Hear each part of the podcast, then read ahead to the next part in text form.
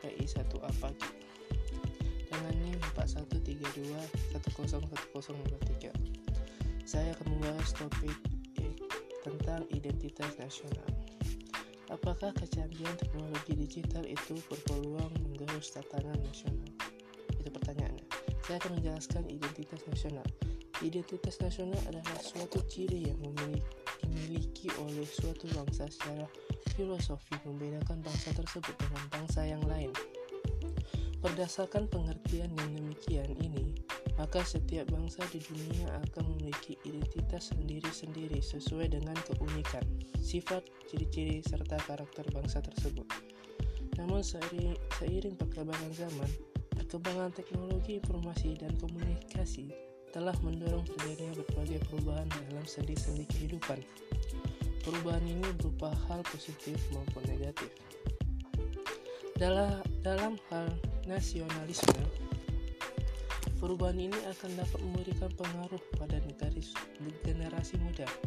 Berbagai usaha perlu dilakukan untuk dapat mempertahankan nasionalisme ini dalam era digital saat saat ini. Hal-hal ini perlu didukung agar bangsa Indonesia dapat tetap menjaga martabatnya dalam bersaing dengan bangsa-bangsa lain beberapa tantangan globalisasi terhadap identitas nasional.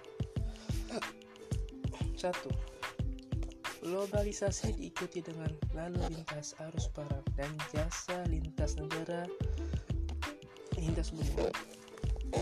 Masing-masing negara berusaha meningkatkan jumlah produksi dalam negerinya Hal ini dilakukan bukan saja untuk mencakupi kebutuhan dalam negeri saja, tetapi juga untuk memenuhi kebutuhan dari negara-negara sekitar.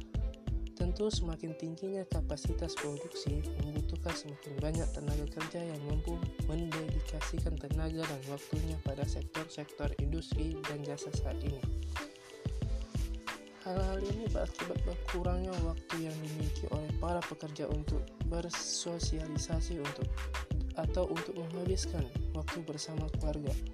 Apalagi saat ini merupakan zaman di mana kedua orang tua bekerja untuk memenuhi kebutuhan rumah tangga. 2.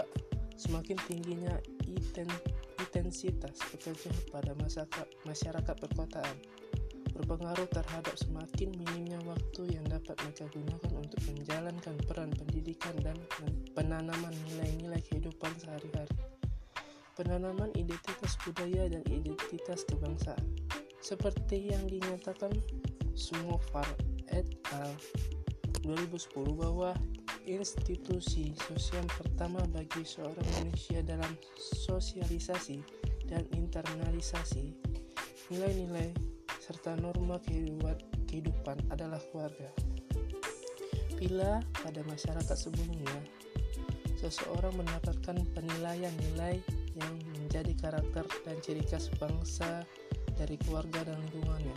Pada saat ini masyarakat terutama kaum muda itu tentang itulah beberapa tantangan tentang globalisasi terhadap identitas. Mohon maaf jika ada kesalahan. Uh, saya akhiri. Wassalamualaikum warahmatullahi wabarakatuh.